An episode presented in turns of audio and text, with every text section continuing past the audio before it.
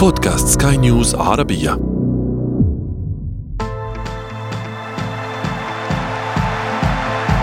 أثير الكرة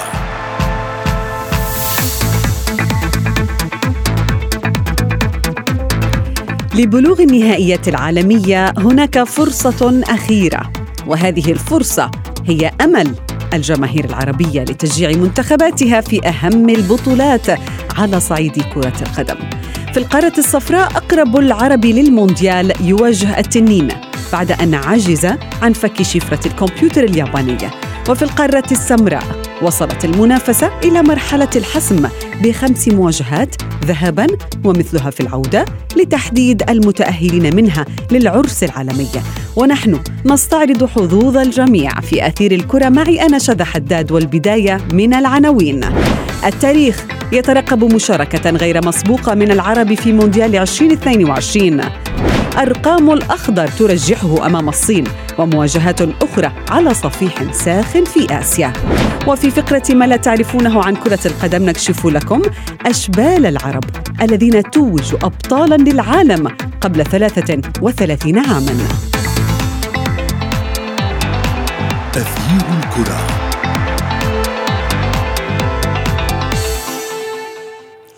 أهلا ومرحبا بكم من جديد مستمعينا الكرام في حلقة جديدة من أثير الكرة وفيها 15 بطاقة من أصل 32 في مونديال 2022 قد حسمت بانتظار طبعا أن تتضح المزيد من المقاعد في نهاية الشهر الحالي. فمن الأحق بالظفر بها؟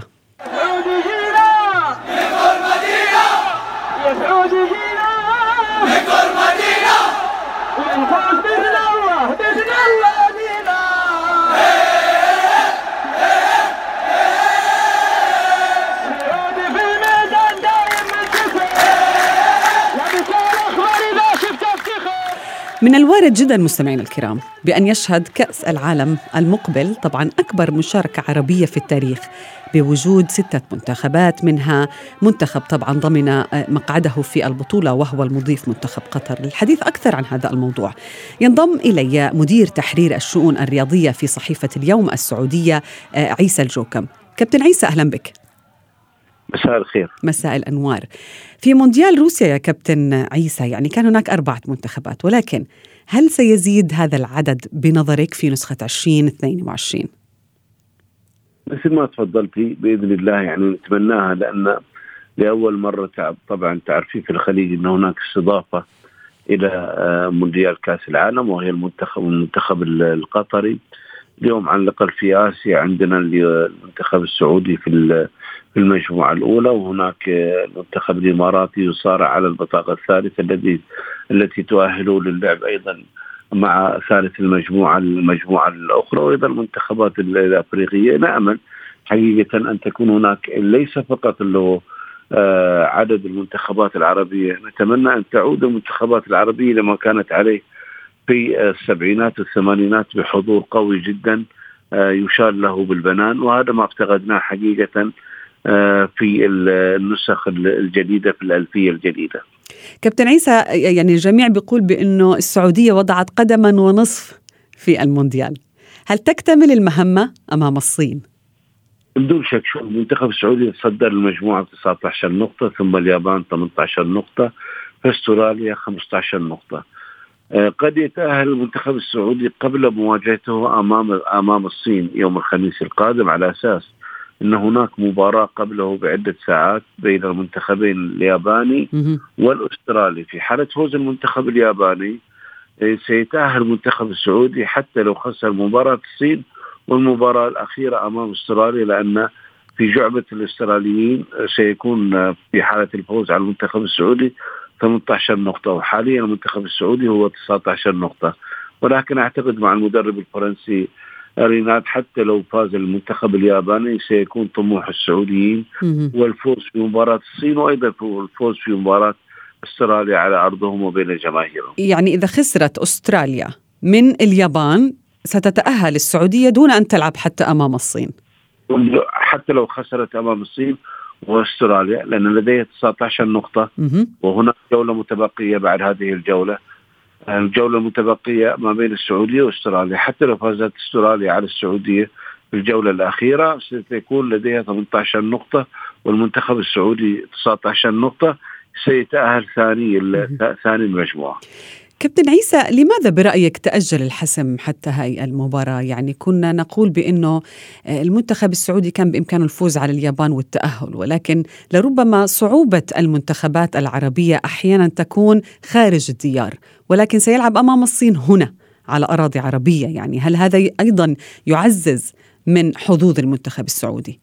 بدون شك. أول شيء المجموعه قوية جدا المجموعه فيها منتخبين تقليديين دائما.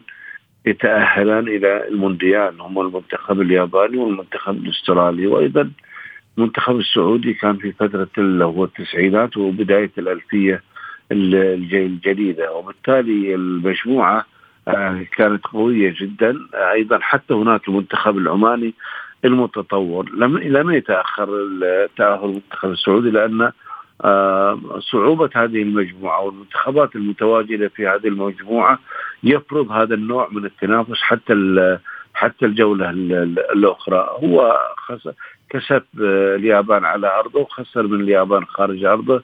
آه، خارج أرضه أيضا أبلى بلاء حسنا أمام المنتخب الأسترالي.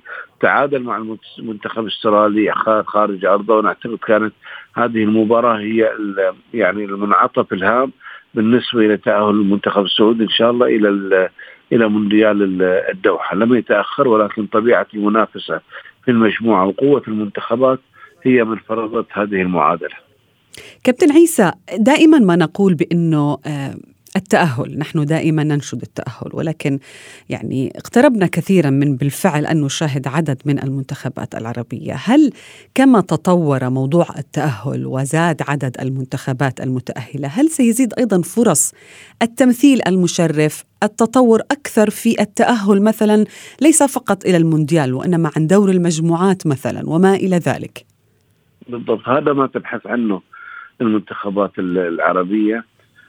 مثلا على سبيل المثال المنتخب السعودي اول مشاركه له في 94 كان تأهل إلى نعم. الدور الثاني. صحيح. آه وكانت أفضل مشاركة له في آه في المونديالات. آه شوف المنتخب الجزائري كان له صولات وجولات. المنتخب التونسي 78 كان له صولات وجولات أمام المنتخب أمام المنتخبات الكبيرة. المنتخب المغربي أيضا قدم في بعض المونديالات آه، مستويات آه، رائعة جدا الله بالبنان.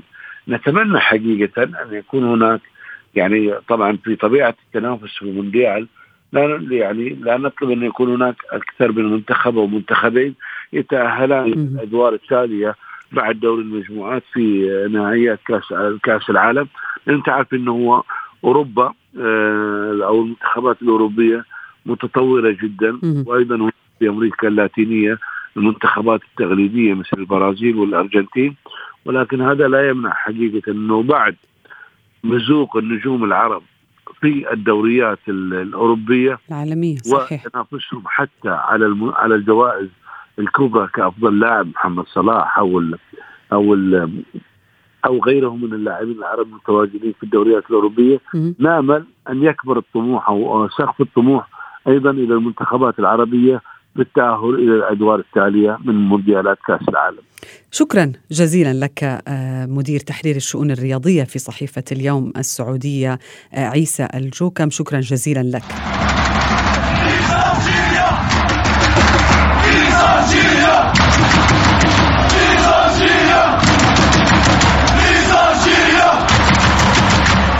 بطولة آه، أمم إفريقيا الماضية مستمعينا الكرام يعني لربما رسمتم ملامح بعض المتأهلين بعض المتأهلين إلى المونديال. يعني بالفعل بدأت الجماهير تتوقع من ستشاهد في كأس العالم. هناك مواجهات آه، مكررة ولكن بما إنه ليس هناك أي مواجهة عربية عربية هذا ما كنا نخشاه طبعا آه، ولكن القرعة أبعدت هذه المواجهات لنتوقع أو نتمنى أن تتأهل كل المنتخبات العربية المشاركة في الملحق الفاصل للتصفيات الإفريقية. للحديث أكثر عن هذه المواجهات وعن حظوظ هذه المنتخبات ينضم إلي الصحفي الرياضي أحمد نجيب. أحمد أهلا بك. مساء الخير شاذة ومساء النور على مستمعينك الكرام. أهلا بك. أحمد مصر أمام السنغال الكونغو أمام المغرب مالي وتونس الكاميرون والجزائر. مواجهات قوية جدا. من الأصعب برأيك؟ الموضوع ليه شقين. لو من ناحية التصنيف أو الفرقة الأقوى اللي هتلعبها أي منتخب عربي في اعتقادي الشخصي آه، منتخب السنغال. هو أصعب مواجهة آه، من المواجهات للفرق العربية اللي هتواجهها. منتخب السنغال آه، يمتلك جودة عالية قوية جدا أسامي ثقيله جدا. الشق الآخر بقى اللي أنا بتكلم فيه الأحداث نفسها. كأحداث ويمكن المستمع ممكن يصطدم برأيي ده. أنا شايف من أصعب المواجهات مواجهه الجزائر والمغرب. آه لما يحدث للمغرب والجزائر من خلال القائمة من خلال الأحداث من استبعاد لاعبين اصابات حتى مواجهة تونس. فكاسم آه اصطدام مصر بالسنغال هو الأقوى ولكن كأحداث آه في اعتقادي المغرب في موقف يعني شايفه إنه صعب, صعب. الجزائر نفس القصة. تونس حتى بإصابة آه، التطورات الأخيرة حتى يعني أعلن الاتحاد التونسي في النصف ساعة الماضية إصابة إلياس السخيري ووهبي الخزري وديلان برون الموقف صعب بالنسبة للمنتخبات. وأيضا مرابط يعني تحوم شكوك حوله خصوصا بعد إصابته في لقاء فيورنتينا وإنتر ميلان الأخير في الكالتشيو. سفيان نعم، مرابط مع منتخب المغرب. فكاسم إحنا نتحدث عن منتخب السنغال ولكن كأحداث اعتقادي إن المواجهات كلها صعبة. آه، قائمة الجزائر بعد المفاجأة اللي حصل فيها باستبعاد بونجاح ياسين براهيمي سعيد بن رحمة آدم وناس آدم زرقان بلقبلة الياس الشتي تجاه عمورة. يعني لك أن تتخيلي حجم الأسامي والكثرة كبيرة. يعني آه أغلبية الاستبعاد استبعاد فني عدا آدم وناس وهو للاصابه آه فده يخلينا برضو نشوف إن المقابلة هل ال risk اللي خده جمال بلماضي وإنه تصريحاته في المؤتمر الصحفي إن هو آه الخروج كان كارثي من الكان الماضية وجب عليه اتخاذ بعض القرارات وإن الاستبعادات دي ليست بالعقاب ولكن وجهة نظري الشخصية إن استبعادات الاستبعاد الأسامي دي كلها إنه جمال بالماضي عايز يعطي رسالة لمن تم استبعادهم أن المنتخب ليس حكرا على أحد وإن مش كل آه، فرد ضامن مكانه. يعني خصوصا أعتقد ولكن التجربة في المراحل الفاصلة صعبة أيضا يا أحمد. بالظبط وهنا المخاوف. هل القرار أو الريسك اللي خده كمان بالماضي آه، باستبعاد الأسامي دي لتجديد الدماء أو لإعطاء رسالة معينة أو لشحن اللاعبين الجدد آه، لأخذ كل مردود أو أعلى مردود في هذه المباراة. هل هو الوقت المناسب؟ هو ده السؤال. هل هو الوقت المناسب لاتخاذ هذا القرار؟ القرار نوعا ما لو في وقت آخر ترى يعني ممكن يكون صائب. يعني الناس قدمت مردود مش أحسن حاجة غير جيد خروج من الكان أدى إلى استبعاد هذه الأسامي دي كلها فهل هل الوقت بس هو كان الوقت الصحيح أم لا؟ فمن خلال الأحداث دي كلها حتى مواجهة تونس بالإصابات المغرب مواجهة آه، مدرب كبير وخبير زي راؤول هيكتور كوبر في اعتقادي المواجهات آه، كلها صعبة. يعني سوت بالضبط. آه، من دون أدنى شك أحمد بأنه أمم إفريقيا آه، سيكون لها وقع أو ستلقي بظلالها على آه، هذه المواجهات التي ننتظرها في الملحق الإفريقي. ولكن العين على المنتخب المصري كونه لعب أمام السنغال في النهائي وخسر لقب أيضا وسيواجه السنغال بساديو ماني وغيره. ولكن هل يدرك المدرب ويدرك اللاعبين أهمية هذه المباراة؟ ولا يريدون أن يخسروا مجددا أمام السنغال لأنه بطاقة التأهل المونديال هي ستكون هي الخسارة. أكيد أكيد في إدراك آه، وفي آه، مسؤولية كبيرة اللعيبة أكيد حاسة بيها. آه وكمان ده يعني يعكس يتعاكس كمان على آه المسؤولين في مصر يعني من ناحية الاتحاد المصري وسرعته في إن هو رفع طاقة آه استعادة الجماهير من 50000 تم زيادتها ل 60000 يعني حوالي 80% من سعه الاستاد. تم طرح التذاكر على ثلاث مراحل بسبب يعني لو حصل تكدس أو أي حاجة من من خلال الموقع. طلب من الكاف ترحيل مباراة العودة من يوم 28 إلى يوم 29 آه وهو ما قوبل بال بال بال بالقبول يعني عكس ما حدث في نهائي أمم أفريقيا إن تم آه، طلب نفس نفس الطلب انه ترحيل مباراة النهائي بس يوم واحد وهو مقوبل بالرفض فيعني ده يوريكي حجم المسؤولية فعلا وإدراك جميع آه، من هو منوطي باللعبه أساسا إذا كان لاعبين أو جهاز فني أو اتحاد كورة بأهمية المباراة والسعي إلى توفير كل السبل للعبور ببطاقه ببطاقة التأهل لكأس العالم.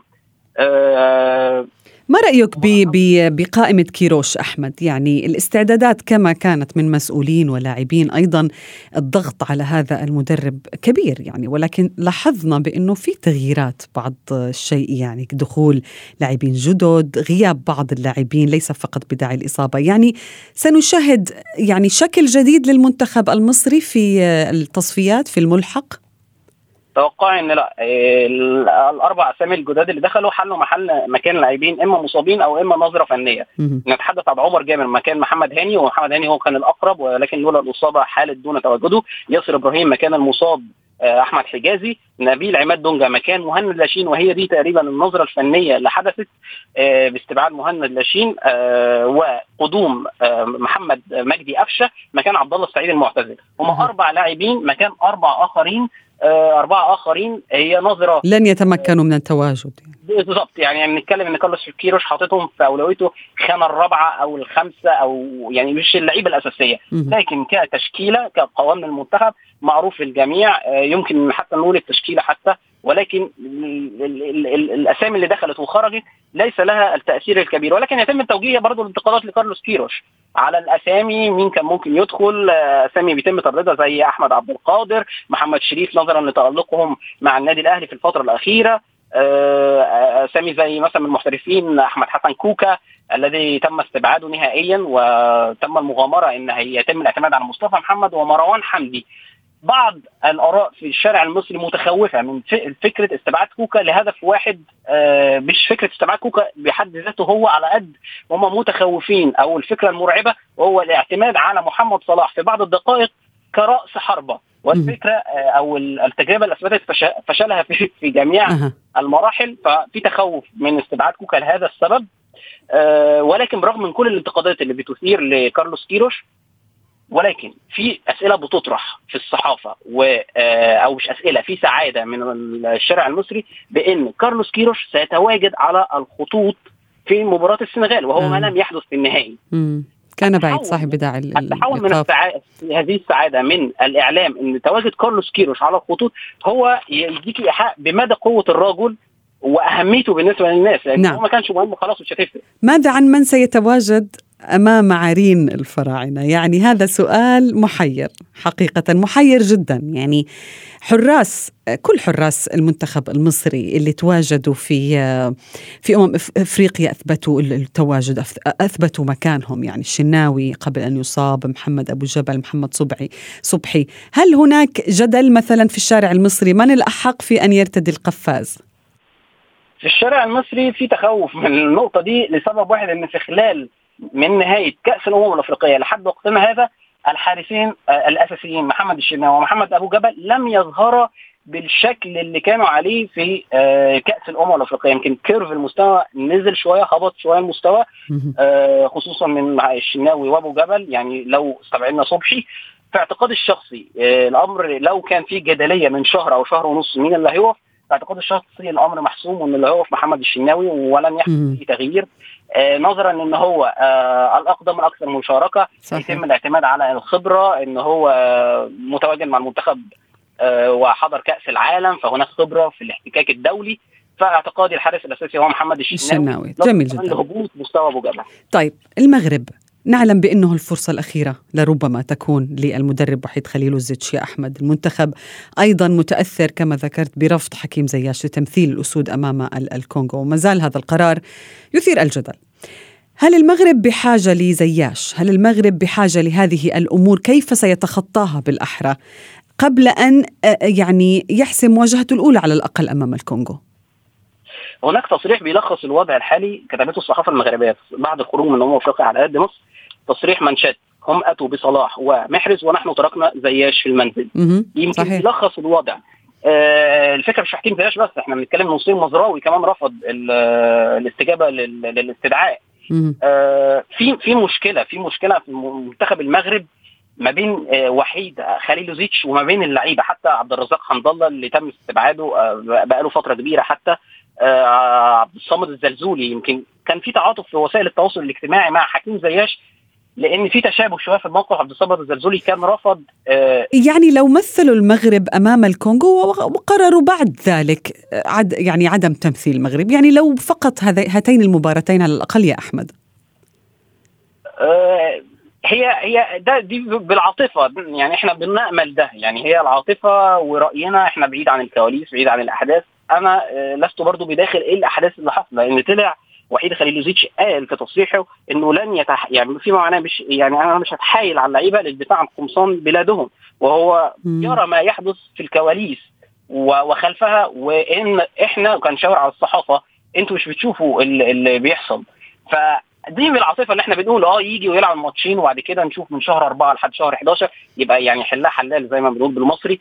ولكن آه حكيم خد قراره بإعلان الاعتزال. هل هو قرار متسرع قرار متأخر؟ في اعتقادي الشخصي لو وحيد خليلوزيتش مشي من القيادة الفنية بكرة الصبح حكيم زياش ونصير مزراوي سؤال سؤال أخير قبل أن ننتهي من الوقت. مالي وتونس يعني هل الاتحاد أو القرعة فكرت بأنها يعني تكمل مباراة مالي أمام تونس؟ يعني يعني كمزحة ولكن تونس أمام مالي صعبة برضه صعبة نفس الشيء. أه صعبة. أه ولكن يمكن الأحداث كمان زودت الصعوبه على المنتخب التونسي بإصابة إلياس سخيري لاعب كولن ووهبي الخزري لاعب سانت إيتيان إصابات أه كثيرة في تونس صحيح. حتى بالرغم من الانتقادات بتوجه الوهاب الخزري في بعض الأحيان من التوانسة ولكن يظل قيمة نعم. ثابتة غياب ديلان برون. ولكن خليني أقول لك إن المنتخب التونسي في الأحداث اللي زي دي بيظهر معدنه. رأينا ما حدث أمام منتخب نيجيريا في كم الاصابات اللي حدثت بكورونا وضربت الفريق واستطاع المنتخب التونسي التأهل على حساب منتخب نيجيريا القوي جدا. في ظل المحنة بتظهر قيمة وقامة نعم صحيح صحيح. دهمنا الوقت أحمد نجيب. كل الشكر لك في أثير الكرة. أثير الكرة. وإن كان الأمر على الصعيد الكبار يبدو بعيد المنال في الوقت الراهن إلا أن أحد المنتخبات العربية الشابة تمكنت بالفعل من تحقيق لقب كأس العالم في إحدى نسخه. وفي فقرة ما لا تعرفونه عن كرة القدم نكشف لكم من هو هذا البطل العربي الوحيد. حضر الإنجاز الكبير مستمعين الكرام في كأس العالم للناشئين تحت سن 17 عاما والذي استضافته اسكتلندا عام 1989 المنتخب السعودي بدأ مشواره باحتلال المركز الثاني في المجموعة الرابعة ليصعد إلى الدور ربع النهائي ويتخطى عقبة نظيره النيجيري بركلات الترجيح. وفي نصف النهائي انتصر الأخضر بهدف نظيف على شقيقه البحريني وبالعودة إلى المنتخب السعودي ضرب موعدا في النهائي مع البلد المنظم وتأخر في نتيجة الشوط الأول بهدفين ليعتقد الجميع أن حلم التتويج العربي قد تبخر. لكن عزيمة الأشبال السعوديين عادلت النتيجة في الحصة الثانية من المباراة. وامتدت لشوطين إضافيين ثم ابتسمت ركلات الترجيح للأخضر ليتوج السعوديون بلقب أبطال العالم للناشئين. وصلنا وإياكم إلى صافرة النهاية من حلقة اليوم. انتظرونا في موعد جديد. هذه تحياتي أنا شذى حداد. إلى اللقاء. تغيير الكرة.